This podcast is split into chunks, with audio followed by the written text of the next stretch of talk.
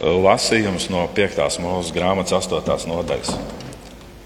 Jo tas kungs, tavs dievs, tevi vada uz, uz labu zemi, uz zemi ar ūdens, strautiem, avotiem un ūdeņiem, kas nāk no ielām un kalniem, uz zemi, kur ir kvieši un mieži, vīna stādi un vīģi koki un granātu koki, uz olīvu koku zemi, kurā tek eļļa un medus uz zemi, kur tev maizes būs gana, kur tev nekā netrūkst, uz zemi, kuras akmeņos ir dzels, un no kuras kalniem tu vari izcirst varu.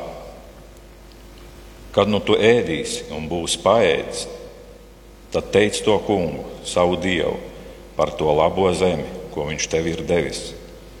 Sargies, ka tu neaizmirsti to kungu, savu dievu, bet turi viņa baušļus, viņa tiesas un viņa likumus, ko es tev šodien pavēlu. Lai tad, kad tu būsi ēdis un paēdis, un sev uzcēlis labus namus, un tur dzīvos, ka tev vērši un tavi sīklopi būs savairojušies, un tavs sudrabs un tavs zelts sāks pie tevis krāties, un viss, kas tev vien piedara, būs vairojies, lai tad tava sirds nelepojas un tu neaizmirsti to kungu, savu dievu, kas tevi izvedis no Ēģiptes zemes, no verdzības nama, kas tevi vadīs plašā un briesmīgā tuksnesī, kur bijis dzēlīgas čūskas un skorpioni un izkautušas vietas bez ūdens, kurās mocīja slāpes, kas tad priekš tevis lika izplūst ūdenim no cietās klints kas ēdināja tevi tūkstnesī ar mannu, ko tavi tēvi nebija pazinuši, lai viņš tev, tevi pazemotu un tevi pārbaudītu, lai tev tavās tālākās dienās darītu labu. Tad nesaki viss savā sirdī, mans spēks un manu roku stiprums ir mana šo bagāti, man šo bagātību devis, bet piemini to kungu, savu dievu, ka viņš ir tas, kas dod tev spēku izmantot bagātību, lai apstiprinātu savu derību, ko viņš ar zvērestu bija apsolījis taviem tēviem, kā tas šodien ir. Tā kunga vārds - pateicība Dievam. Šīs dienas otrais lasījums no Pāvila pirmās vēstules Timotejam, sestās nodaļas. Patiesi, liela iegūma dod dievbijību ar, pat, ar pieticību jo mēs nenieka neesam pasaulē ienesuši. Tāpēc arī nenieka nevaram iznest. Bet, kad mums ir barības un apģērbs, tad ar to mēs pietiksim. Bet kas grib tapt bagāts, grib kārdinājumā, kārdinājumā un valgā, un daudzās bezprātīgās un kaitīgās iegribās, kas gāž cilvēku postā un pazušanā. Jo visa ļaunuma sakne ir mānas kārība Dažs labs, tiekdamies pēc tās, ir nomaldījies no ticības un pats sev nodarījis daudz sāpju. Bet tu, Dieva cilvēks, beidz no, šiem, no šīm lietām, zenies pēc taisnības, dievbijības, ticības, mīlestības, pacietības un lēnprātības. Tā kunga vārds. Lasījums no mūsu kunga Jēzus Kristus evaņģēlija, ko uzrakstījis Svētais Jānis 4. nodaļā. Pa to starpu mācekļi lūdza viņu sacīdami, rabi ēd. Bet viņš tiem teica, mans ēdiens, man ir ēdiens, ko ēst, kuru jūs nezināt. Tad mācekļi citam sacīja, nebūs taču kāds viņam atnesīs ēst. Jēzus tiem sacīja, mans ēdiens ir darīt tā gribu, kas man ir sūtījis, un piepildīt viņa darbu. Vai jūs nesakāt vēl četri mēneši un nāk ļaujamais laiks?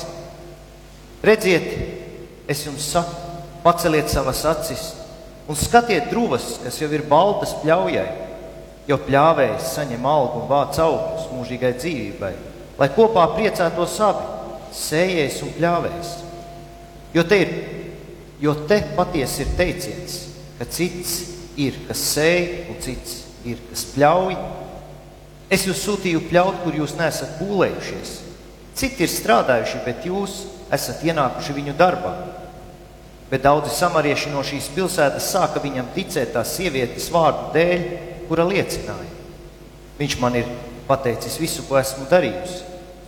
Kad no samarieši nāca lūgdami viņu palikt pie tiem, tad viņš palika tur divas dienas.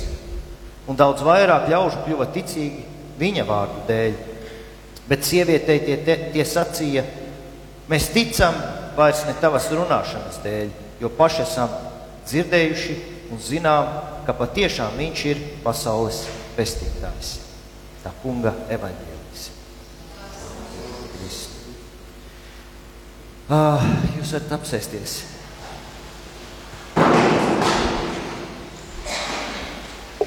Tā kā šodien mums ir svētki un uh, mums būs koncerts beigās, uz ko aicinām palikt, tā, kā, tā es arī sagatavoju mazliet īsāku uzrunu, lai mēs iekļaujamies laikā un es tieku uz otro dievkalpojumu. Uh, svinot ļaujas, jeb ražas svētkus, uh, mēs varam domāt, kas ir ļauja un kas ir raža. Vecās derības uh, lasījumus, ko Ivars lasīja, ko jūs klausījāties no 5. mūzes grāmatas, mēs tur dzirdējām, ka Dievs aizved izredzēto tautu uz īpašu vietu kur zeme un apstākļi īpaši auglīgi. Un var saprast no šīs raksturvietas, ka tur ir arī derīgi izrakteņi, ūdens upes avoti. Un dzīvojot šādā bagātā zemē, bagātīgā ar uh, auglīgu zemi un izrakteņiem, bagātība vairojas. Un Izraēla tautai tiek piekodināts, ka tie, tad, kad tie kļūs pārtikuši un bagāti, dzīvos labklājībā, lai tie neaizmirst kungu, lai tie nenovēršās no viņa paušļiem. Vecajā derībā bagātība, to mēs redzam daudzās vietās, ka tā ir tāds dieva svētības simbols. Un daudzi labklājības teologi daudz citē veco derību un balstās šajās rakstvietās, kuri arī parāda šo bagātību kā svētības zīmi.